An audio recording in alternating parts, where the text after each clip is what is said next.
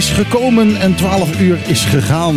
Het is zaterdag en het is weer tijd voor Op de Klippen. Uh, het actualiteitenprogramma dat jij kent op jouw radio. Het enige Nederlandstalige actualiteitenprogramma van het eiland Bonaire.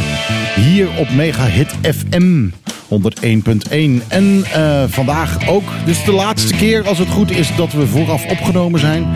Um, ik uh, kom direct van mijn duik af. Ik heb een, uh, ik, ik, heb een natte onderbroek, of nee, een natte zwembroek ook eroverheen. En ik zit hier toevallig op de stoel waar... waar Kas de Ruiter gewoonlijk op zit. Dus die zal het nog wel merken. Maar goed, dat is voor vanavond. We zijn er en we hebben weer uh, wat gasten om een beetje diepe gesprekken te hebben. Uh, ik ben niet de enige die hier is, want Martijn is er ook. Uh, en Judith.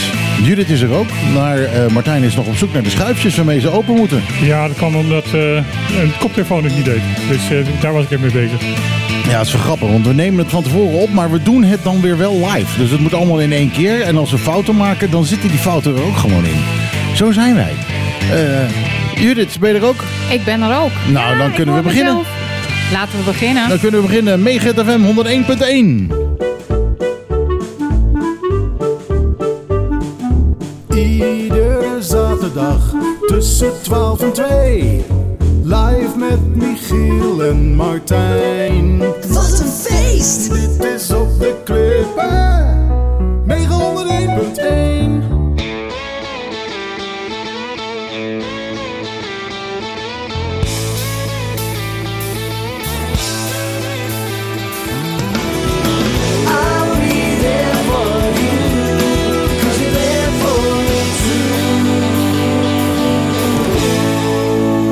Rembrandts met I'll Be There For You. En uh, ja, als ik, eigenlijk is deze singleversie gewoon te lang. Ja, ik, ik, ik zette mijn koptelefoon erop omdat het afgelopen was. Op het moment dat het dus in de serie uh, afgelopen is. Ja, ja, en dan wil je gewoon naar Jennifer Aniston kijken. Ja. Maar ja, nee dan, nee. gaat het door. En dan uiteindelijk, dan heb je hem helemaal uitgezeten. Heb je geen Jennifer Aniston.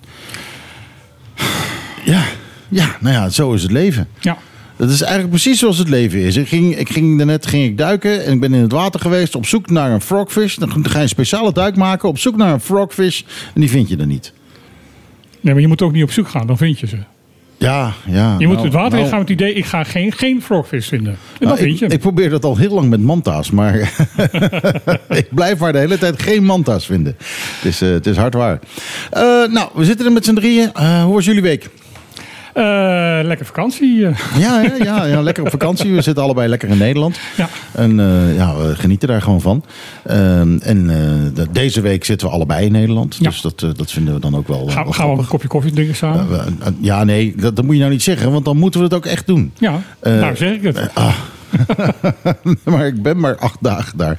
Uh, nou ja, uh, met jou is koffie altijd wel goed. Uh, sowieso, jouw koffie is ook goed. We hebben hier vandaag hebben koffie die door Martijn is gemaakt. En die is helemaal goed te drinken. Ehm, dezelfde koffie is ook gegeven aan... ehm, Boudewijn Scholz, lelijke mensen mogen Bous zeggen. Dus dat mag ik ook. want die zit hier als gast. Hallo Bous. Goedendag, goedemiddag allemaal. Ja, jij hebt natuurlijk jarenlang eigenlijk dit programma gedaan. Je bent eigenlijk mee de oervader van dit programma. Uh, dat zeg ik altijd als je hier zit, omdat het gewoon belangrijk is dat mensen dat mogen weten. Uh, je hebt, hoe lang heb je dat? heb ook iets van tien jaar gedaan ja, of zo, hè? bijna tien jaar. Bijna tien jaar lang. We hebben nog een tijdje te gaan. Uh, ja, ja, inderdaad. Hoeveel bijna... jaren zitten jullie? Ja, Michiel is een stuk langer dan ik, want Michiel heeft in feite overgenomen van Bouts. Mm -hmm. Ja, maar ik weet eigenlijk niet wanneer ik daarmee begonnen ben. 2000, december 2019, denk ik. Ja? 2020. Ja? Oh, nou. Begin 2020. Ja, en ik ben een jaar later erbij gekomen. Toen, oh, dan uh, hebben jullie nog toen heel net... veel jaren te gaan. Ja, inderdaad. Maar Ik dat ben- geeft niet, daar heb ik best zin in. Ik ben toen in mei uh, 2020 ben ik erbij gekomen. Maar uh, Bous is degene die zei van... joh, op zaterdag doen we een programma voor alle Hollanders... die uh, het nieuws niet goed kunnen bijhouden hier, het lokale nieuws. En dan ga ik gewoon alles vertellen. En die zat gewoon de krant te lezen. Ja. Uh, dat kon je af en toe ook wel horen, want dat struikelde Oh, ja, wel ritsel, uh, ritselde Ja. het papier. uh. Ja, precies, precies. Maar, uh, maar ja, goed, uh, toen ik het overnam, zat ik ook gewoon de krant te lezen. Dus had ik hetzelfde. Ah, dat deed je het op een iPad. En het is eigenlijk pas veranderd toen jij erbij bent gekomen. Ja joh. Heb het eh, helemaal, eh, het, het, het Nou voor- ja, voorbeeld helemaal verkloot. Dat, Op, eh. op, nee, op, Nou dit, ja. op dit moment is het eigenlijk wel Martijn zijn format. Dat, is, dat moet ere wie ere toekomt. Dat is absoluut zo. eh, eh, je hebt veel nieuwe technieken hier naar binnen gebracht. En eh, je hebt al dat nieuwsoverzicht. het moet maar eens een keer gezegd worden. En ik wou dat we een knopje hadden waar applaus op stond. Want dan konden we dat kno- knopje een keer indrukken. Ja. Waar zit dat knopje? Is dat hier? Even Hij kijken, zoekt hoor. het even. Even kijken waar dat Ja, knopje want is. techniek staat voor niets. Ja, die is het. Ja. ja, die is voor jou, eh, Absoluut. ja, dan pak ik natuurlijk ook het grootste applaus wat ik heb. Ja, dat snap ik.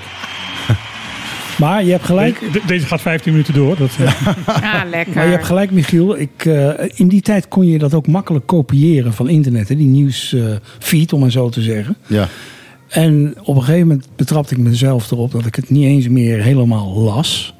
En dat ik dus de eerste keer dat ik het zag was in de studio. En helemaal als daar dan namen in stonden, hè, een beetje moeilijke namen, ja, dan struikelde je. Ja, ja, dat, dat- dat, dat heb ik ook als ik ze al wel gelezen heb. Oké, ja. Nou ja, oké. Ja, ja, die meneer, eh, eh, die, Die. meneer van voor je, die heet John Tribbawanzing. Zoiets. Ik heb een heleboel mensen heb ik al gesproken die, die hebben, ja, John met die moeilijke naam hebben ze Ja, dan ja, over. ja, ja. Ja, ja, goed, dat hebben ze met mij ook. Dat, eh, Nou, Hirschmuller, dat is nog wel uit te spreken. ja, maar meestal eh, wordt- komt er op een van de rare manier komt daar een R tussen. Hirschmuller. Hirschmuller. Nou ja, ik, ben- ik ben natuurlijk ook vaak Michiel van Brokhorst. Ja. Eh, of ik ben Michiel van Bokworst. Dat is ook, eh ook superleuk is dat. Die heb ik nog nooit gehoord. Eh, word ik altijd, ja, daar word ik altijd heel erg blij van. Maar Bous, ehm, eh, jij zit hier niet zomaar. Eh, jij zit hier gewoon een- los van het feit dat je altijd een gewaardeerde gast bent. Jij hebt wat te vertellen. Dat klopt. Ja. Ehm, ehm, moet ik het inleiden of ga je gewoon zelf vanaf het begin eh, je praatje houden? Laat mij, eh, laat mij maar van wal steken. Eh, Ja, doe, doe dat. Dit is interessant. Ik, eh, ik meen dit. Dit is voor eh, alle Bonaireanen en eigenlijk gewoon iedereen op de ABC-eilanden is het machtig interessant. Zeker als je voor jezelf werkt. Dus een, eh, een tijdje geleden, een in januari, was ik in Nederland. En ik eh, luister altijd naar de radio in de auto. En ik luisterde naar eh, gewoon Radio 1. En daar kwam een eh, reclame voorbij rond het eh, nieuws. En dat ging over een, een oplossing voor zelfstandigen als het gaat om arbeidsongeschiktheid.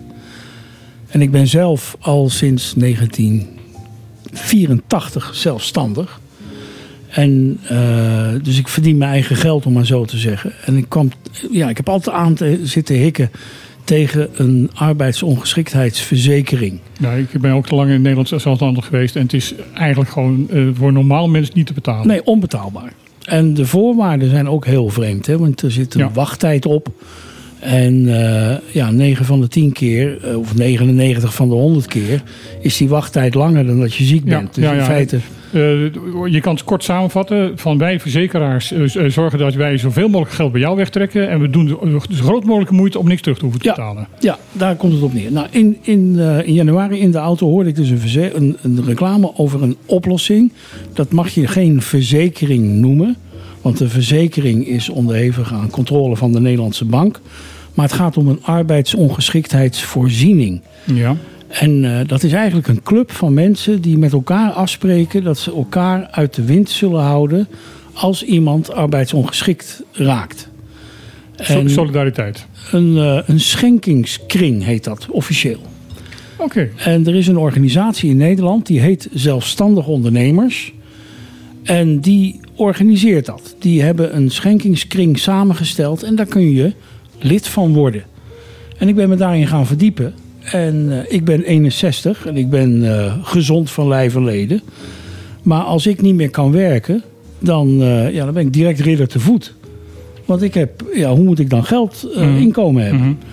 En, Wat mooi dat, dat je dan zo'n term even krijgt. Ridder te voet. Ja. Heerlijk. Ja, Dankjewel, maar- Baus. Ja. Die, gaat, uh, die gaat op de lijst. Maar in. lachen maar om. Hè. Er zijn, Nee, nee, nee, dit er zijn zat mensen die dan direct in de problemen komen. We hebben gezien bij de coronacrisis dat er mensen direct van inkomen verstoken En waren. zeker hier zijn mensen dan ontzettend kwetsbaar. Ze hebben niks kunnen, kunnen opbouwen. Ze hebben geen, geen reserve Nee. kunnen opbouwen. Niks. En eh, als zelfstandige betaal je dus wel een aantal sociale premies. Maar eh, ziektegeld krijg je niet. Ar nee, ar arbeidsongeschiktheid. Arbeidsongeschiktheid is niet, niet via de sociale premies te verzekeren. Nou, kort en goed, ik betaal nu 150 euro per maand. En daarmee heb ik mij na een wachttijd van twee maanden Mhm. verzekerd van een inkomen van 3000 euro per maand voor twee jaar. Dus als ik ziek word en ik kan niet meer werken, ik kan mijn werk niet meer uitvoeren. Twee maanden nou, moet ik maar van mijn spaargeld proberen te leven. Maar daarna heb ik een inkomen waarmee ik mijn vaste lasten kan betalen. Je, je, je, gaat, je crepeert in ieder geval niet. Nee. En de bedoeling is niet in zo'n eh, schenkingskring dat je meer gaat krijgen dan dat je normaal al verdient. Mhm. Maar goed, nou ja, iedereen weet wel wat hij ongeveer gemiddeld verdient als zelfstandige. Of hoopt te verdienen per maand. En het gaat ook niet om een winstbejag. Het gaat gewoon door het afdekken van een risico. En, eh, dus ik ben naar die mensen toegereden eh in Hilversum. En gevraagd van, joh, is dit, kan ik, ik woon op Bonaire. Ik heb geen inkomen in Nederland. Ik, ik ben al bijna 30 jaar op Bonaire. Eh, ik heb niet eens een ik heb wel een BSN-nummer, maar eh, de meeste mensen hebben niet eens een BSN-nummer.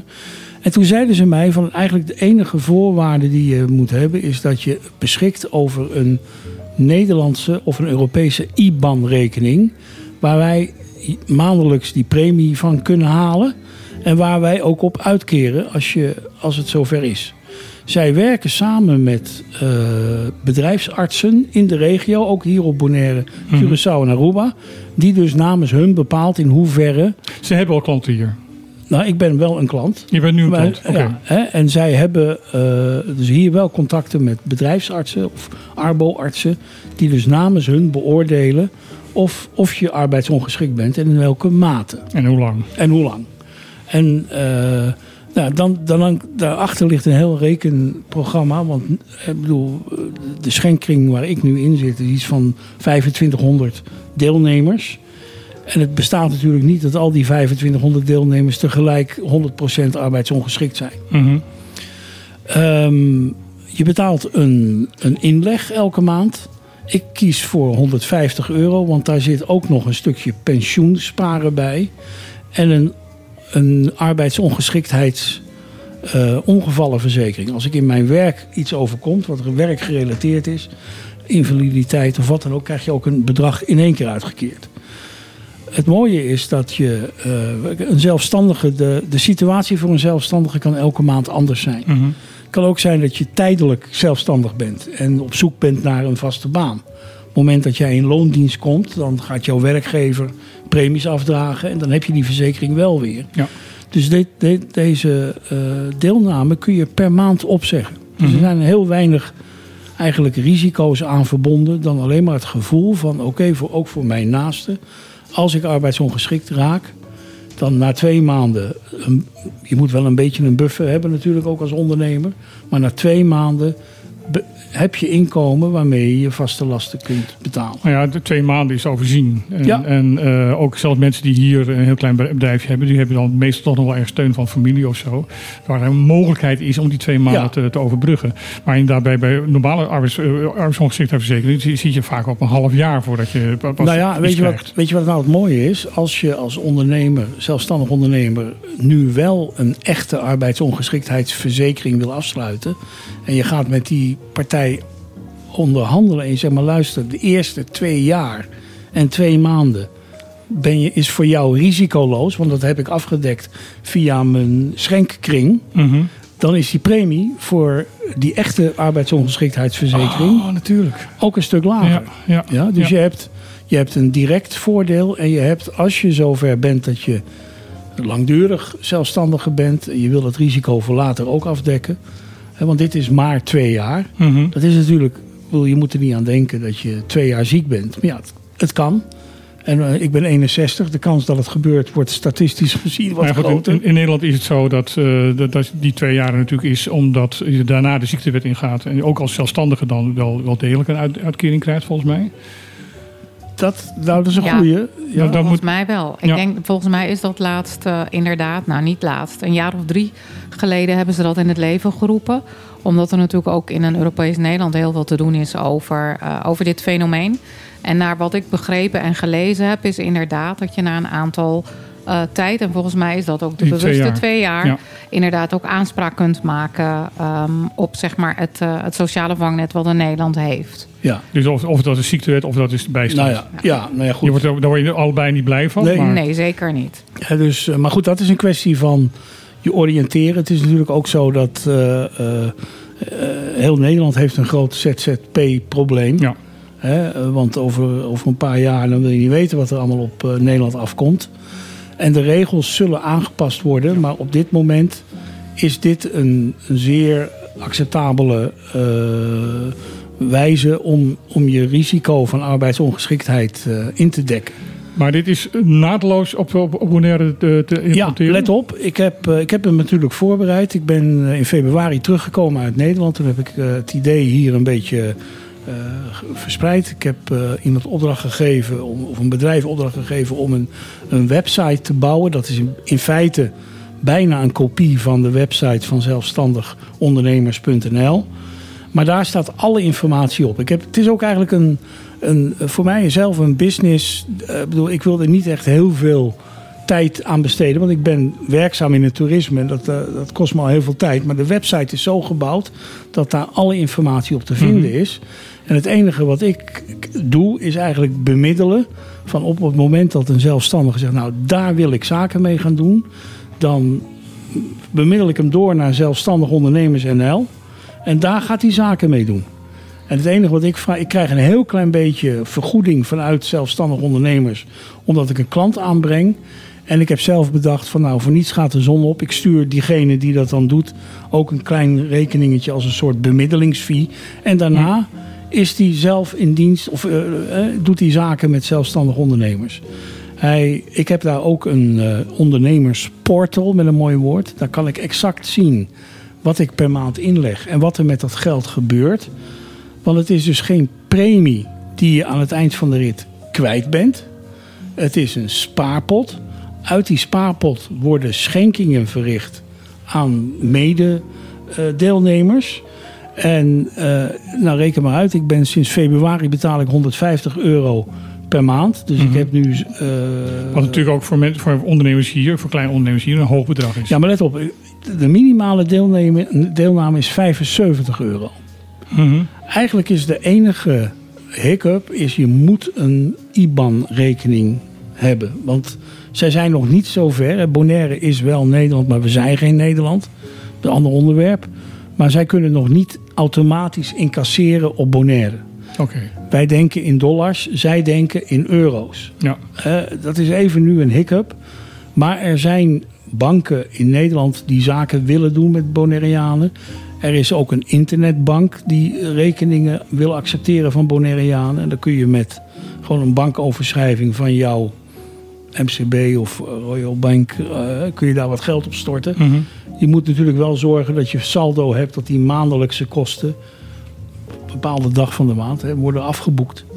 En eh, nou ja, dat is eigenlijk het verhaal. Een, een oplossing voor arbeidsongeschiktheid. Het is geen verzekering, maar het is een groep van gelijkgezinden die met elkaar af hebben gesproken om elkaar uit de wind te houden als je ziek wordt. Ja, het is geen insurance, het is crowdsurance. Crowdsurance, dat is het woord. Ja. Ja, Net zoals crowdfunding dat zou zijn. ja, ja. Eh, eh, helemaal fantastisch. Iedereen gaat er even over nadenken. Ik, heb, eh, eh, ik weet het, heet ABCZZP wat je doet. ja dat ik heb- ABCZZP.com of zo? .com, abczp.com. Nou ja, dan is het plaatje wat ik nu heb wel heel erg toepasselijk.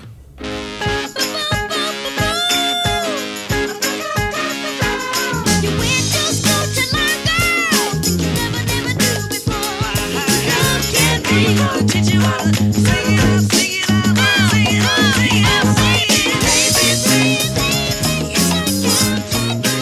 De Jackson 5 in de tijd dat eh, Michael Jackson nog een heel hoog stemmetje had. Eh, en eh, nou ja, dat heeft hij eigenlijk altijd wel gehad. Hij- is ja. altijd... "Oeh." Volwassen, vo- en volwassen is hij nooit geworden. Nee, dat, eh, dat ook al niet. eh. maar eh, even goed, eh, lekker funky, lekker gezellig.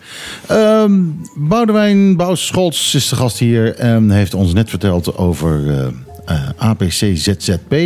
Een crowdsurance verhaal. En, eh, en nou eh, heb ik dat verhaal al een keer eerder gehoord. Maar dan ben ik benieuwd wat voor vragen jullie hebben. Nou ja, We branden los. Nee, ja, nee. Nee, nee, jij nee, ik, ik, jij, ik, ik. Oké, ik. Gewoon ik. Ehm, ik heb heel erg inderdaad geïnteresseerd eh, zitten luisteren. Want ik denk dat voor veel mensen dit eh, heel aanspre- aansprekelijk is. Of aanspreekt. Ehm, een van mijn eerste vragen die bij mij opkwam. Hè, je noemde heel erg van je hebt een, eh, een Nederlands of je hebt een IBAN-nummer nodig. Dus een Nederlandse bankrekening. Heb je ook een Nederlands paspoort nodig? Nee, Nederlandse nationaliteit. nee. Het gaat om, laten we zeggen, ben je ingeschreven als zelfstandige bij de Kamer van Koophandel? Mhm. Want je moet natuurlijk wel zelfstandig zijn en inkomen genereren uit je zelfstandig bedrijf. Oké, dus eh, hun check is inderdaad bijvoorbeeld een uittreksel KVK. Daar kunnen ze om vragen. Daar kunnen Ja. ze om vragen. Oké. Ik had nog een vraag. Mag ik doorgaan? Ja, ja, ga, ga Nou, nog een vraag inderdaad. Want je zei net heel mooi, want het is wel, het zijn eigenlijk, het is een schenking. Zo, hè, zo, zo kun je dat inderdaad zien. Het wordt gestort op jouw rekening in het buitenland. En een van mijn dingen die dan bij mij weer opkomt is: oké, je bent hier belastingplichtig. Je ontvangt inkomen in Nederland. Hoe verhoudt zich dat? Hoe zou ik dat moeten zien? Nou, het is dus geen inkomen, het is een schenking wat je ontvangt. En eh, ik ben geen belastingdeskundige, maar ik heb zelf een bankrekening in Nederland. Maar dat is gewoon bekend bij de, bij de Belastingdienst Caribisch Nederland. Want in mijn jaaropgave wordt dat vermeld met het saldo erop. Dus daar hoef je helemaal niet. Hoe, ga- hoe gaat dat in Nederland met schenkingsrecht dan? Nou, eh, eh, eh, laat zeggen, dat is interessant. Ik, ik, ik kan je dat niet helemaal tot in detail zeggen, omdat ik de- die kennis ook niet heb. Maar het schenkingsrecht bestaat uit het feit dat het allemaal hele kleine schenkingen zijn. Mhm. Individuen die jou iets schenken. Maar ze schenken jou. Dus, oh, oh, oh, oké, ze, ze Ja. verdelen het. Ja, het is de, hè, dus de, eigenlijk zelfstandige ondernemers is degene die van al die deelnemers kleine bedragen int en dat in één bedrag doorstort aan jou. Als het gaat om een specificatie, dan kunnen ze zien, hé, dat is meneer Pietersen, Jansen, Klaassen, die hebben allemaal 12 of 13 euro geschonken voor het feit dat jij ziek bent. En daar valt. En dan valt het dus niet Ja. onder het schenkingsrecht. Ja. Ehm, ik heb altijd begrepen dat het hier heel anders is dan in Nederland, trouwens. Nou, dat is heel interessant. Want ik heb toevallig van mijn tante, overleden tante, niet zo lang geleden, een hele grote erfenis gehad van 320 euro. En mijn belastingman zei van oké, dat eh, bedankt. En eh, daar betaal je geen successierechten over. Nee, dat, omdat het te laag is, maar dat is in Ja. Nederland. Want het, de, de, de belastingrecht wordt altijd eh, inge- eh, gevoerd van degene eh, die, Het in, ontvangt. die. Nee, nee, die, Nee, die, die het helaas. schenkt. Ah, die schenkt. Ik kan me dat nog herinneren inderdaad. Want ik, toen mijn moeder overleed was er inderdaad ook een heel klein spaarpotje. En, eh, en ik had ook echt zoiets van... Ja, maar ik woon op Bonaire. Hallo. Nou, die vlieger die ging niet op. Nee, maar de vlieg gaat wel op in, in mijn geval. Als je langer dan tien jaar in, in, eh, in Bonaire woont, dan gaat het, dan gaat het erfrecht eh, gaat, eh, naar, de- gaat ook voor jou gelden.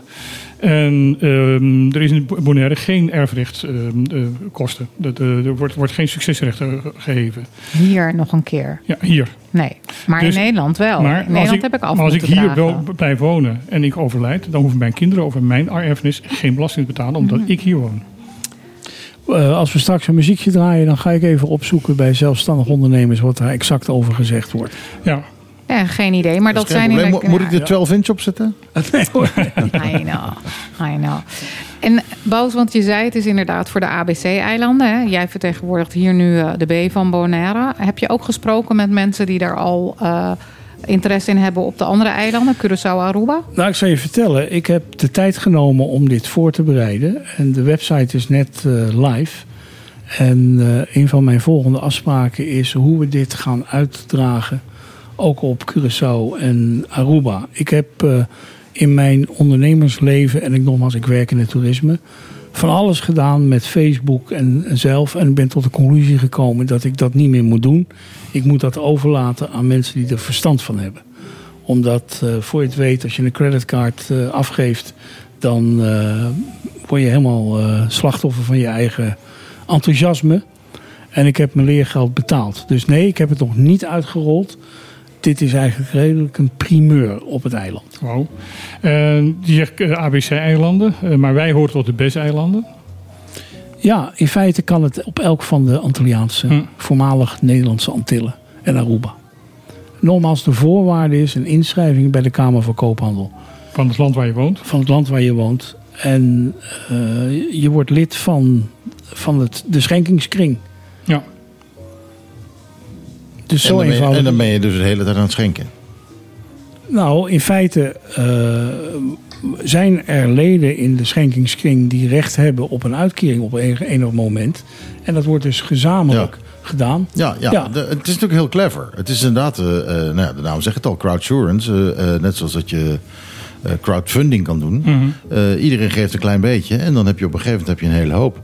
Eh, ik vind het heel clever. Het is heel clever. Het is eh, ook mooi van dat zij in Nederland zeggen van... oké, eh, het geldt ook voor eh, de andere delen van het Koninkrijk. Dat, eh, dat, eh, dat maken we anders mee. Dat, ja, dat maken we zeker anders mee. Eh, maar ik denk dat het ook wel echt wel een oplossing is. Het kan een oplossing het is zijn. voor niet ons alweer moeilijker namelijk dan dat het in Nederland is. Ja, dat is waar. Ehm, ik zit wel aan de, de ondernemers te denken, aan vooral beginnende jonge ondernemers te denken, eh, Bonaireaanse ondernemers te denken, die zelfs die 75 dollar eh, of euro per maand echt een hele grote belasting hadden. Ja, dat is wel zo. Maar ja, goed.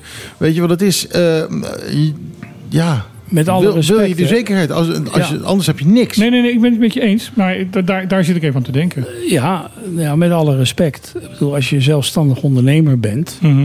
Eh, er wordt hier flink gediscussieerd over het sociaal minimum. En, en wat mensen nodig hebben om, om te kunnen overleven. Dat moet je toch wel zien op te brengen. Ja, maar anders dan. eh, Ja. Anders, ja, wat, wat ben je anders aan het doen? Nou ja, niet voor niks, niet voor niks dat ook vanuit Nederland nu dat, eh, dat eh, bedrag wat een eigenaar, ondernemer, directeur moet gaan verdienen, dat Ja. dat omhoog gegooid wordt. Om ook inderdaad die, die eh, ehm, ja, mogelijkheid dat mensen gaan, gaan, het gaan overleven groter te maken. Precies. En ik wil nog wat zeggen.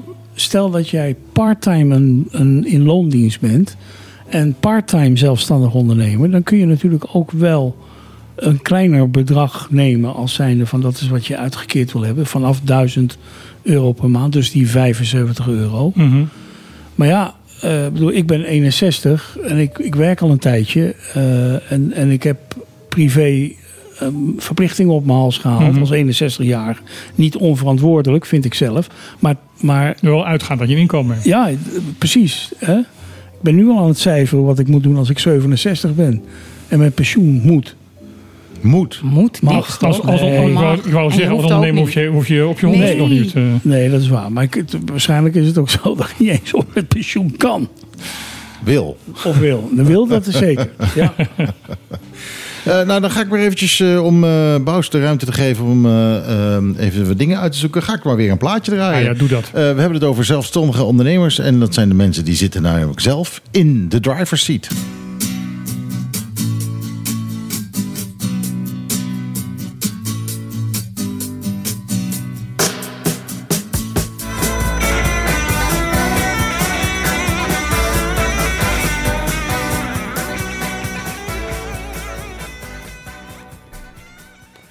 Ja, dan eh, is onze Michiel eventjes verdwenen. Eh, dit was Driver Seats van wel, wie dat was. eh, dat hoor ik eigenlijk te weten. Maar dat zou ik niet weten. Ik ook niet, maar het was wel weer leuk. Een beetje golden oldie Ja. ehm, Ja. driver seat. Weet je, in mijn tijd. Ja, Ja, ja, onze tijd, En mijn ja. tijd, onze Ja. tijd. Ja. Gewoon, Ja. gewoon onze tijd. Ja. Oude mensen die we zijn. Hallo. Ik ben Hallo, oud. Nee, nee, nee, nee, nee, nee. Mensen worden niet oud, heb ik gisteren gehoord. In de zin van oud. We moeten een ander woord. Oudere bedenken. jongeren. Oudere jongeren. Ja, ja. ja. Vintage. Ik, ja, ik weet het ook niet. Ik moest erg lachen toen ik... Dat hoorde ik gisteren echt werkelijk heel serieus. Ik zei ook van... Nee, ja, ik zei, oud. Oud gebruik je niet bij mensen, Judith. De duvel is oud. Eh, en zijn moer ook. ik, ik, ik ga een klein anekdotetje vertellen van wie uit Suriname. Dat heb ik vorige week ook gedaan. Ehm, wij wonen in Suriname en vlak bij ons was een Chinese, eh, Chinees ehm, eh, eh, supermarkt, zoals we dat hier ook veel hebben. En mijn moeder, die had een vrij goed contact met Lee, dat was de eigenaar van de, van de, van de supermarkt. En op een gegeven moment zou hij iets voor ons bestellen en dat was hij vergeten. En mijn moeder zei, om een grapje te maken, ja Lee, je wordt oud. Ja, Lee begint te stralen en zegt, dankjewel. Heel mooi. Heel mooi. Nou ja, ik gil tegenwoordig ook wel van... eh, Ik hoop dat ik nog veel ouder mag worden. Want ja, daar hebben we het wel ook al eens een keer eerder over gehad. Er vallen best wel wat mensen om ons heen weg. Of Ja. worden ziek. En hebben dan misschien inderdaad ook weer eh ABC, ZZP. nodig. Ja, nou, Toch? je, je moet zorgen dat je, voordat je ziek wordt, dat je dat ja, geregeld nee, hebt. weet je, dat is inderdaad een slimme meid op de toekomst voorbereid. We moeten over een slogan verzinnen. Bouw, slimme wil is toch? Want dat is het natuurlijk wel. Want dit is wel, ehm, denk ik, je moet daar wel over nadenken. Dat is iets wat, wat je vaak met ondernemers hebt. Van nou, veel verdient. En dan gil ik altijd... Ja, maar het is ook voor later. En dan komt nog Ja. een keer meneer belasting. En dat is niet zo dat wat jij nu deze maand mee naar huis neemt... dat dat ook is om op te maken. Ik denk dat heel Ah. veel jonge ondernemers daar ook mee op hun eh, smoel gaan. Hè? Ja, dat, volgens ze, mij ook. dat ze voordat ze, voordat Ja. ze eh, zich realiseren wat ze allemaal nog moeten betalen, dat het al uitgegeven is. Nou ja, wat- toen ik, eh, ik ben in Nederland ook eh, zelfstandig geweest. Toen was het eerst wat, eh, degene die mij, een oude ondernemer die mij een beetje coachte wat dat betreft. Die zei van, heel simpel, alles wat je binnenkrijgt, de helft is van jou, de rest moet je op de rekening zetten. Ja, dat, zo, te- zo denk ik inderdaad nog steeds. Gewoon op, opzij en dan, ja, prima. De, de opa van onze kinderen, mijn schoonvader, die zegt de helft en daar nog een keer de helft van. Ja, ja. Ja. Want de rest, dat is om te sparen ook. Ja. Ja. En daar zit wel een kern van waarheid in. Hé Michiel? Eh, ik heb het nooit gedaan. nee, echt waar. Het is verschrikkelijk. Ik, eh, eh, ehm, ik, ik viel meteen in, ehm, in, in, in de popmuziek en auteursrechten. En toen kwam er opeens een heleboel. En dacht ik, dat is mooi, ik heb een heleboel geld. En eh, ik, eh, eh, dat had ik. En eh, van ja, ik heb dat geld gewoon. Nou, toen kwam ik naar Bonaire. En toen heb ik dat geld langzaam maar zeker gewoon, gewoon ja, uitgegeven. En ja, hier zit ik met de gebakken peren. En nu heb ik mijn eigen bedrijf. En en verdien ik mondjesmaat. En ik moet zometeen 75 dollar aan ABC ZZP gaan geven. Eh, maar, Ja. eh, maar ik doe het graag, want eh, anders dan hebben we niks meer zometeen. Nou ja, voor, voor jullie wordt het al 150, omdat Esther natuurlijk ook in het bedrijf werkt. Ja, ja, dat is waar. Maar ja, ik, voor mij is ABC ZZP eigenlijk een uitkomst. Ja. Want ik, en ik heb eigenlijk niet zoveel reserves meer om als, als ik onderuit ga. Mhm.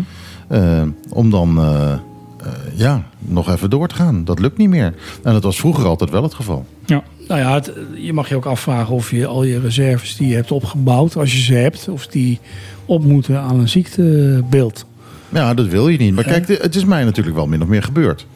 Ja. Met, de, eh, met de pandemie. Want ja, daar moet je toch doorheen komen. En nou ja, dan heb je een bedrijf dat, eh, dat drijft op, eh, op toerisme. Eh, Ja. Nou, allerlei kranen worden, worden dichtgedraaid. En eh, nou, eh, zoek het maar uit. ja, En ja, dat, dat was voor mij wel de grote klap. En nou ja, ik hou nog steeds het, ho- het hoofd boven water. Omdat ik die reserves had. Maar die heb ik nu dus niet meer. Ja, ik, vind het, eh, ik vind het wel inderdaad. Ik was al een beetje van tevoren gewaarschuwd. Bouws komt met een heel interessant verhaal. Toen dacht ik aan een nieuw kookboek, maar dat was het dus niet. Ja, ik bedoel, kan ook, komt nog. Misschien er tussendoor nog een, een, een gezond recept. Hè, zodat we niet zo snel ziek worden. Nee, maar nee, dat is flauw. Ik vind het eh, voor mij, ik vind het een heel aansprekelijk iets. En ik zal zeker mij eh, erin in gaan verdiepen en de website gaan bezoeken. Ja. Ja, nou dat is hartstikke goed. Want ik, ik dacht dus ook toen ik in de auto zat in januari in Nederland van een verrek. En toen, toen ik daar langs ben geweest en ben ontvangen in Hilversum. En zij mij de uitlegde dat dit voor iedereen eh, kan werken. Toen denk ik, hé, hey, dat is iets voor eh, de eilanden. En eh, in tegenstelling toe ik vaak, vaak commerciële plannen van mezelf direct ten uitvoer bracht, heb ik hier echt de tijd genomen om dit met mensen die er verstand van hebben voor te bereiden. En nu gaan we dat rustig. Ik, hoef, ik ben er ook niet van afhankelijk. Want ik, nogmaals, ik werk in het toerisme. Ik heb die dip ook meegemaakt, Michiel. En, eh, en gelukkig ook, omdat ik dit al bijna 30 jaar doe, eh, kon ik het eh leiden. Maar eh, mijn pensioen is dus wel wat, Ja, ja. Wat- wat wel kariger geworden. Wat kariger geworden. Maar goed, ik klaag niet, want het eh, toerisme op het eiland is toch weer mooi omhoog gekomen. Het stagneert. Stond Ja. in, eh, Ja, ja, ja, ja, ja. Ja, Niet alles geloven wat je leest. dat Nee. stond in de krant. Nee, het en, en, stagneert. en vergeet niet dat we hier altijd een seizoenspatroon hebben gehad. Hè. September, zoals nu. September was vroeger echt een drama qua toerisme. Er waren, zijn Qua zelfs, temperatuur ook trouwens. ja, ook, maar er zijn zelfs eh, hotels en restaurants die in september hun jaarvakantie plannen. Juist omdat het zo rustig is. En we moeten ook, eh, we moeten ook zorgen dat we niet te snel gaan gillen. Nee, dat is ook wel zo. Eh, het is, eh, alles zal rechtkomen. Dat is natuurlijk ook wel Ja. een, beetje, een beetje het geval. Maar, maar dus, kijk, dus een ondernemersrisico. Oké, het toerisme eh, speelt daar een rol in. Je ziektebeeld, je, ziekte, je ziek zijn kan je dus op een of andere manier nu met ABC, ZZP en Maar- zelfs ik kan het zeggen, want, want eh, eh, laagseizoen, al dat soort zaken, dat kan je inplannen. Daar, daar, kan je Ja. dus, daar kan je als ondernemer inderdaad ook maatregelen voor nemen. Van oké jongens, het is dan en dan gewoon rustig, dus dan plan ik wat minder. Dan ga ik eh, wat vaker dicht. Ik geef mijn personeel vakantie en lo- los personeel mag dan, dan Ja, ook maar een beetje, wieberen. een beetje gaan wieberen. En eh, ja, in oktober trekt het dan wel weer aan en dan, dan is het goed. Maar inderdaad, ziekte, Ja. dat hebben we dus ook met corona gezien, is zo totaal onvoorspelbaar. Het kan jou en mij gewoon morgen overkomen. Ja. Zonder dat je daar erg in hebt, zonder dat je dat, eh, dat ook maar enigszins in de hand hebt. Ja, gezond leven. Maar goed, een, een, eh, Maar dan nog kun je Dan ziek nog. worden. dan kan je nog ziek worden. Je kan, eh, iemand, kan- een van de idioot kan met, met zijn auto tegen jouw auto aanrijden. En dan zit je gewoon een, een paar weken in, in, in, in een rolstoel, of een paar maanden in een rolstoel. Ik bedoel, ja, dat, dat, dat, dat heb je niet in de hand. Ja, overigens, het is goed dat je dit zegt. Er is één doelgroep wat niet bij zelfstandige ondernemers terecht kan. Dat zijn mensen werkzaam in de bouw. Mhm. Maar die hebben daarvoor een eigen schenkring. Dus de zelfstandig bouwers In Nederland. in Nederland. En daar werkt het hetzelfde als wat ik net beschreven heb. Maar, Maar goed, dus hier- mensen die hier in de bouw werken... moeten dan bij een andere zorg... Of, eh, eh, hoe heet zoiets? Een andere schenkring zich aanmelden. Dan, Dan ga, ik, bij dan ga ik iets heel erg zeggen. Dan gaan heel veel mensen waarschijnlijk nu heel hard schreeuwen. Ja, maar daar is de helft van de mensen die in de bouw werken, die zijn sowieso niet, niet legaal hier. Dus dat wordt helemaal een probleem. Ja, nu ga ik wel schreeuwen. Kom op. Nee, nee, nee, nee, nee, nee. Maar ik denk, nou, ik denk, ik vind het wel goed dat je dat zegt. Want ik kan me wel voorstellen dat er een grote groep ondernemers is die absoluut werken in constructiebedrijven Ja. of in de bouw. Dus ehm, dat is ook wel iets wat, wat, wat dan genoemd moet worden. Dus goed Maar dat als je dat die, zegt. als die mensen bij jou aankomen, eh, zeg je Dan- van sorry, eh, deur dicht? Nee, of, dan of verwijs ik ze naar ja, hetzelfde- Bemiddel je ook nog steeds? Absoluut, hetzelfde Mhm. pand in Hilversum. Zelfde organisatie, alleen een andere eh, Een ander petje op. petje op. Ja. Nou, ik kan me daar wel wat bij voorstellen. Want je hebt natuurlijk ook heel veel beroepsziekten. Dus dan kun je daar misschien ook nog een beetje diversiteit in aanbrengen. En ik kan me dan ook voorstellen dat er misschien toch wel wat kleine verschillen zijn in mate van uitkeren, wanneer je uitkeert en hoe lang. Ik heb Ja. geen idee, maar dat zou ik me zomaar Maar nu... misschien ook, misschien ook een risicofactor hè, in de bouw met, met stijgers. En, Mhm. Juist. eh, Maar zijn, zijn, zijn er nog andere beroepen te bedenken? Ik bedoel, eh, er zijn meer beroepen die, die een hoog eh, risico hebben. Dus, dus misschien andere voorwaarden nodig hebben. dat is zo niet beschreven. In feite is eh, de enige uitzondering die ik heb gezien is, Is de de bouw. Ja. Nogmaals, de voorwaarde is zelfstandig een inkomen hebben uit zelfstandig ondernemen. Ja. En, en dus een registratie bij de Kamer van Koophandel. Die hoef je niet mee te sturen, Mhm. maar ze kunnen dat wel gaan checken. Ja. Ik vind het interessant. het, is, ik- het is heel duidelijk. Ehm, mensen die hier, die hier nog vragen over hebben, die kunnen dus eh, eh, even surfen, zo zeg je Ja. dat vroeger, hè? Surfen naar ehm eh, abczp.com. Ja. Eh, en daar, eh, ja, Er is ook een contactformulier, dus als, er nog, als ze de vragen die ze hebben niet kunnen vinden op de website, kunnen ze altijd even via het contactformulier contact met mij opnemen. Ik weet niet eens of mijn telefoonnummer erop staat vermeld op de website. Als zo niet, dan het moet wel hoor. Maar eh, ik ben altijd bereid om vragen te beantwoorden. Nou, daar lijkt me duidelijk. Eh, Het lijkt mij een bijzonder verantwoordelijke keuze om dit te doen. Eh, en ik vind het erg goed dat het nu mogelijk is voor de mensen op de eilanden. Ja. Eh, dus doe je voordeel mee. Eh, en surf eventjes naar abczzp.com. Dankjewel, Bous, dat je hier even geweest bent om eh, eh, ja, dit fantastische idee van je de wereld in te slingeren. Graag gedaan. Ik, ik wens je er veel succes mee. Dankjewel. Ik denk dat voor veel mensen dit best wel een beetje de main thing zal zijn.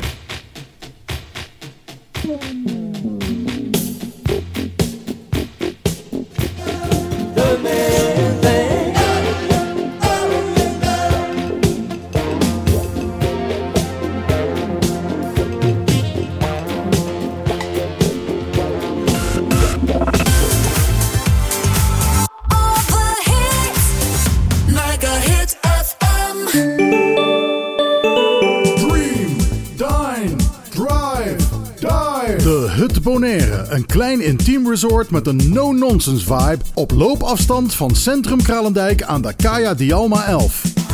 De ideale uitvalsbasis om Bonaire te verkennen. Kijk voor meer info op de socials of op thehutbonaire.com. Dream, dine, drive, dive. The Hut Bonaire. Debatteren, dat is het met elkaar oneens zijn. Staan voor je mening. Maar respect hebben voor elkaar en samen zoeken naar de waarheid. Zaken die onverbrekelijk verbonden zijn met het fenomeen dat wij democratie noemen. Maar die democratie moet beschermd worden. Vrijheid komt niet vanzelf. Daarom is voor de Partido Democratico Bonaireano de onafhankelijkheid van de pers heel belangrijk.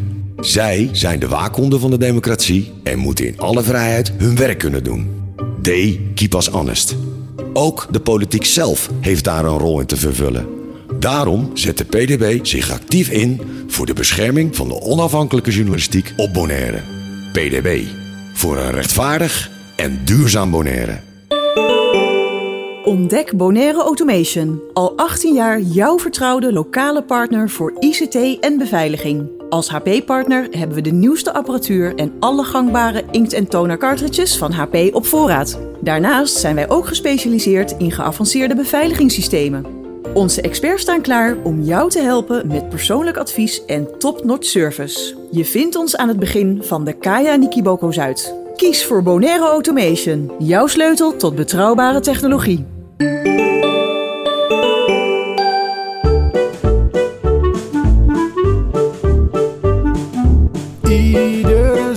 Zaterdag tussen 12 en 2. Live met Michiel en Martijn. Wat een feest! Dit is op de klippen. Maar goed dat het radio is. Het, eh, het presentatieteam eh, Gaat heel uit het dak. Staat te dansen op de tune. Eh, gaat helemaal nergens over dit. Voor de reclame hoorde je Roxy Music met The Main Thing. En het bijzondere van wat je daar hoorde was dat het de single mix was van The Main Thing. Die nooit als single is uitgebracht. Eh, en dat maakt het dan weer eh, leuk. Dat vind ik dan weer leuk om dat, eh, dat soort dingen te draaien. Martijn, we hebben Bous eh, van de tafel afgeschoven. Maar, maar nu zitten er weer nieuwe mensen. Wie zijn dat? Ja, de, Judith weet precies wie het zijn. Maar ze zijn in ieder geval van... ja, ik, ik bedoel, ik, ik en namen. Oké, nou ja, dan mag ik het. eh, ik moet, nou, wat ik heel leuk vind, we hebben ehm, twee gasten naast ons eh, van eh, ROA. En zij gaan straks uitleggen wat ROA is en waar de afkorting voor staat. En direct naast mij zit Vernon. Vernon die wilde graag naast mij zitten. En ik vind het heel leuk dat Vernon naast mij zit. En daarnaast zit Judette. Dus Judette zit dan weer naast Die Michiel. zit heel graag naast Dus mij. En Die dat, zit ook heel dat graag naast ik. Michiel. En ik snap dat ook. Ik snap dat ook. Bovendien vind ik ook, daar hadden we het net over. Het is wel een heel mooi setje. Want ik vind eigenlijk die kleding van jullie is ook echt zo'n kleur nu. Ja, Het is Het is, radio, echt, hè? het is radio, maar dat is, dat, jullie zitten goed samen. ja, ja, ja dat past wel Jawel, dat elkaar. past bij Ja, elkaar, toch? bij elkaar. Kleurenwaardig. Ja. Nou, Ja. wat een introductie. Ja, nou ja, dat is leuk voor radio. Eh, Roa. ROA CN officieel. Ja, ROA, zei Ik ben, er, eh, ik ben er wel eens geweest. Ik heb wel eens een hele cursus gedaan. Om, eh, omdat ik iemand had die eh, graag bij mij als eh, stagiaire wilde werken. Een, eh, eh, een ding. Dus ik heb daar een paar dagen gezeten voor een cursus. En toen mocht ik mijn stagiaire hebben. En die, eh, eh, nou ja, die heeft zijn ding gedaan. En daarna dacht ik, ik wil nooit meer een stagiaire. Ehm, eh, maar, eh, maar ja, goed. Dat, eh, dat, dat ligt natuurlijk aan, aan hoe en wat. En wat je bedrijf is. Eh, het leek me toen een goed idee. Maar het was niet helemaal ideaal. eh, in de opzet van ons bedrijf. Maar ROA doet nog meer. Maar wat dan, Judith? Wij zijn de Oh, wacht even. Oh, oh. Ja, dan moet de microfoon open. Ja, de microfoon zo. Eh, we, we knippen dit eruit. Maar wat dan, Judith? Wij zijn de Raad Onderwijs Arbeidsmarkt en eh, wij geven advies aan het ministerie van OCW over eh, de arbeidsmarkt op Bonaire, Saba en Sint-Eustatius. Dus eh, wij schrijven rapporten, wij doen onderzoek. Eh, als er een opleiding wordt aangevraagd door het MBO of op de bovenwinden hebben ze een ander systeem, CVQ-systeem. Daar geven wij dan advies over of het eh, arbeidsmarktrelevant is en of het doelmatig is om de opleiding te starten. Is het, eh, ehm, zou je zeggen dat ROA voornamelijk advies eh, geeft? Of eh, ehm, eh, hebben jullie ook wel eens een keer dat je zegt van... oké, nu gaan we eventjes de mouwen uit handen steken... en even zelf ergens de schouders onder zetten? Ehm, wij geven heel veel trainingen, maar daar is Vernon beter in, want die is eh, ook eh, trainer. Dus die geeft eh, bijna Maar wekelijks ik, trainingen. ik blijf even bij jou. Want Ja. ehm, Ehm, wat, wat ik altijd begrepen heb, ik bedoel, ik heb zelf op het MBO eh, les gegeven, dus ik heb ook met jullie te maken gehad in de tijd. Daarna had ik een eigen bedrijf, heb ik ook bij jullie cursus gevolgd. En heb ik ook, eh, hebben we heel lang, wij hebben dus wel heel lang eh, ehm, eh, stagiairs gehad, totdat het be- bedrijf helaas fa- failliet ging. Ehm, Door de stagiaires, hè, dat krijg je dan. Dat, dat was ook mijn probleem. Oh, foei. nee, nee, flauwe grap. flauwe. Eh, mijn bedrijf is op de fles gegaan, onder andere door, eh, door COVID. Dus eh, eh, dat had er niet mee te maken. Nee, in ieder geval, uh, stagiair is juist heel erg leuk. Eh, misschien is dat nog wel leuker dan lesgeven. Ehm, ehm, jullie adviseren ook heel erg scholen en, en, en, ehm, en, en de schoolleiding over welke eh, opleidingen er moeten, moeten begonnen worden, toch? Ja, klopt. We hebben op eh, MBO Bonaire is autotechniek aangevraagd en eh, goedgekeurd. Eh, er zijn nu een sportopleiding eh, met een bepaalde Crebo-code, die ben ik helemaal kwijt. Maar op de bovenwinden hebben ze bijvoorbeeld eh, zes opleidingen aangevraagd. Nou, daar doen we allemaal onderzoek naar. Even voor de luisteraars die absoluut niet weten wat een Crebo-nummer is. Dat is het eh, nummer waar ehm, het Nederlandse MBO-kwalificatiedossier. dat wordt eh, een nummer gegeven eh, voor de Ja, opleiding. en een, Dus- een kwalificatiedossier is de bijbel van de opleiding. Daar staat precies, beschreven wat er geleerd wordt, hoe het geleerd moet worden, op welke manier het moet gebeuren, eh, wat de stappen zijn, wat, wat er in welk jaar geleerd wordt, al dat soort zaken. Klopt, helemaal juist. Ja, ik heb het zelf eh, geschreven. Dus, eh,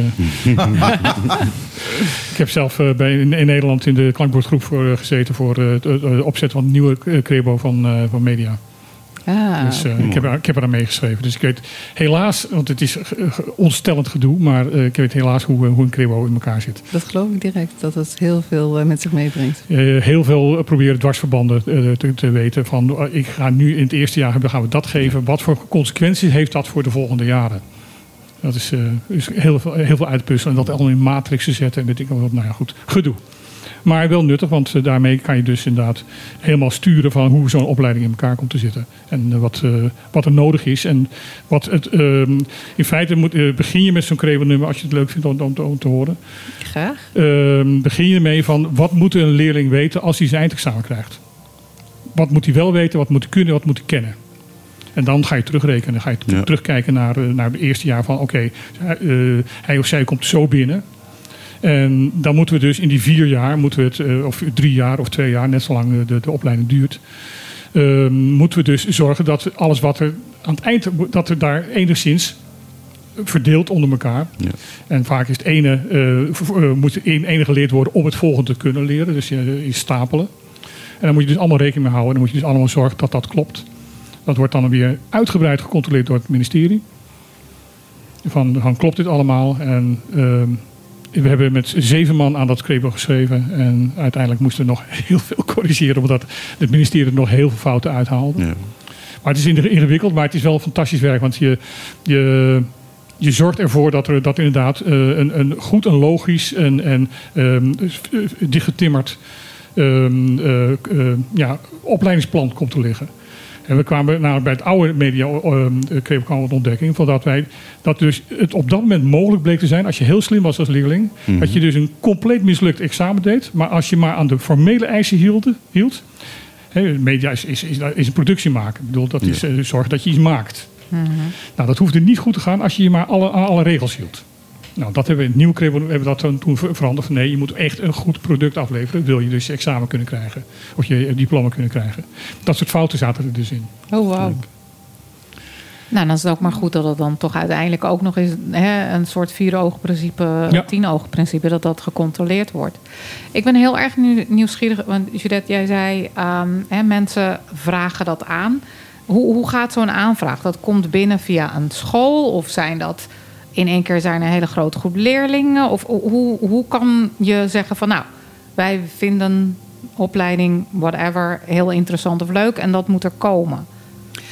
Wij geven ook eh, ongevraagd advies. En soms dan zien we eh, als ROA zien we ook eh, wat er op de arbeidsmarkt nodig is. En dan gaan we in gesprek met de school. En dan uiteindelijk komen we er wel toe of niet toe tot een aanvraag. Maar heel vaak zie je ook de behoefte vanuit de school, vanuit de docenten of vanuit de leerlingen zelf die be- bepaald iets willen. Of dat de markt heeft aangegeven van eh, wij hebben behoefte aan eh, gekwalificeerd eh, autotechniek eh, eh, mensen. Dus die mensen die gewoon de kwalificaties eh, doen. Dus echte vakmensen. Dat eh, komt steeds meer voor. Ehm, dus vanuit allerlei stakeholders komt het binnen bij de school. En die doen dan de officiële aanvraag. Die- Want die moet het bij eh, eh, het ministerie in Nederland aan- aanvragen, de, de, de- het CREBO. Het eh CREBO-nummer, zij nemen gewoon de kwalificatiedossiers van Nederland over. Ja, maar ze, maar ze moeten dus toestemming krijgen van het ministerie, willen ze daar, daar, dat kunnen gaan aanbieden en, en dat dat gefinancierd wordt, toch? Ja, dat klopt. Wij, gaan, wij zitten daartussen als ehm, advies, eh, advies. Wij geven dat adviesrapport eh, aan het ministerie. En die kunnen natuurlijk ons overroelen. Maar meestal nemen ze ons advies over. En als wij zeggen van nou, ehm, wij adviseren positief. Eh, nou, dan moet het ministerie wel heel ehm, bijzondere dingen tegenkomen om te zeggen van dat doen we niet. Dat is volgens mij nog nooit voorgekomen. Mhm. Ehm, maar zij, wij geven aan het ministerie en dan heeft het ministerie eh, eh, een paar maanden de tijd om te beslissen of ze het gaan subsidiëren of niet. Hoeveel beroepsopleidingen zijn er op het ogenblik in, eh, in Bonaire? Ik heb me laten zeggen 30. Dat is heel veel voor Bonaire, voor zo'n kleine school. Ja. Dat is zeker. Want we hadden inderdaad in een vorige uitzending eh, hadden we het heel erg over Kunukeros Mhm. en eh, landbouw. en ja, dan hoor je toch wel van heel veel verschillende kanten dat dat hier echt wel mogelijk is. Maar vooral met allerlei nieuwe technieken. En toen hadden wij inderdaad eigenlijk met z'n allen zoiets van... oké, leuk, maar waar ga je dat dan leren? Hoe kun je dat leren? Dus toen hadden we het inderdaad ook over school. Nou, stel dat dat harder op wordt uitgesproken van meerdere kanten. Zou dat dan inderdaad iets kunnen zijn waardoor jullie een advies gaan geven dat er een opleiding zou moeten komen of een richting zou moeten komen in landbouw? Zo kan ik me dat een beetje voorstellen. Klopt. We zijn al heel tijd met eh Forma in gesprek over agricultuur. Om dat eh, weer opnieuw eh, te starten. Want hij is geweest, eh, als ik het goed heb. Ehm, op zich eh, is er genoeg kans op Bonaire. De vraag is alleen of er belangstelling is vanuit de studenten. Ja, dat kan ik me ook nog voorstellen. Want Ja. er moet natuurlijk inderdaad ook een roep zijn vanuit studenten. Want je hebt wel leerlingen nodig om je opleiding te kunnen draaien. Klopt. Dus daar, daar heb je in feite ook weer de politiek voor nodig en, en, en alle mogelijke andere om te zorgen van dat dus eh, eh, jongeren ehm, door beginnen te krijgen. Klopt. Maar bijvoorbeeld ook bedrijven die aangeven: oké, ik wil hiermee beginnen. Welke van mijn werknemers ga ik daar naartoe sturen? Ja. Hoeveel zullen dat er zijn? Gaat dat de klas vullen? Dat soort aspecten. Ja, ja. En ehm, hebben we het dan eh, met agricultuur hebben we het dan over een, een, eh, dagopleiding of is, is dat een, een deeltijdopleiding? Ik vermoed dat dat een deeltijdopleiding is, omdat waarschijnlijk de meeste mensen uit de bedrijven zouden komen. Dus eh, ook de mm, grote resorts, die hebben ook hoveniers. En eh, er is natuurlijk moet aan landbouw worden gedaan. Dus als je een klas wil vullen, dan wordt er volgens mij gekeken naar een eh, BBL-opleiding. Dus waar de mensen voornamelijk werken en dan één dag per week naar school gaan. En dat is, Interessant. dat is een opleidingsvorm die eh, toen ik hier kwam, tien jaar geleden, vrijwel niet voorkwam. En nu Hmm. echt een van de populairste opleidingen is, toch? De, de opleidingsvorm is. Het is een eh, steeds groeiender eh, eh, aantal eh, studenten zitten erop. Ik geloof dat er inmiddels bijna 300 studenten op de BBL-opleiding Mhm. eh, volgen. Dus die voor echt werknemers zijn dat, die dan één dag per week naar school gaan. Ja. Ik kan me daar wel iets bij voorstellen. Want ik denk dat het ook zo is. A, vooral als je denk ik kijkt naar vakmensen. Hè, dat zijn mensen die het liefst ook bezig zijn Ja. met hun handen. En die zitten er niet op te wachten om dan ook nog eens een keer vijf dagen in de week naar school te gaan. En je verdient ook wat. Ja, het is plus en dat- werken en leren wat super zwaar is. Ja. Maar je hebt wel inkomsten. En kijkend naar Bonaire is dat vaak eh, nodig. Is dat heel belangrijk. En plus dat het voor bedrijven heel interessant is, omdat zij op deze manier hun personeel, wat ze al in dienst hebben, kunnen kwalificeren. Klopt, ja. Het is zeker eentje die we heel veel zien, eh, zeker in de bouw. Dat er heel veel mensen zijn die, die kunnen het vak wel, maar die willen toch laten zien van oké, ik kan dit op een bepaald niveau. En die kiezen dan inderdaad voor BBL, dat bol en die combinatie. Je moet wat verdienen, je wil wat leren. Ja. Het is toch een afweging. En ehm, dus dan zien we inderdaad heel veel BBL-opleidingen Ja. in die richting. Als je kijkt naar de beroepsbevolking, dan is 47% van de beroepsbevolking van Bonaire heeft geen, eh, niet eh, de juiste startkwalificaties. Maar va- vaak wel de ervaring. Ja, wel de ervaring. Maar ze willen heel graag eh, diploma's hebben. Dat zie je steeds, steeds meer. Dus Ja, dan is, is is BBL, beroepsbegeleidende leerweg, is, is, is, is dat natuurlijk ideaal. Ja. Klopt. Nou ja, een diploma is vaak eh, A, een soort hè, bevestiging van... oké, ik kan dit ook echt. Maar natuurlijk ook een mooie stap naar of een carrière, eh, promotie, iets meer salaris. Eh, je moet jezelf staande kunnen houden. Inderdaad, denk ik ook op een Bonaire, in, in, in, in een werkveld... waarbij er mensen zijn die wel met een diploma komen... en waarvan dan vaak een werkgever geneigd is om te denken... en al sneller te zeggen van... oké, maar jij hebt je diploma, dus jij krijgt net iets meer geld. Jij hebt geen diploma, dus ja, weet je, stop, stop met zeuren. Dat, dat hoor ik vaak.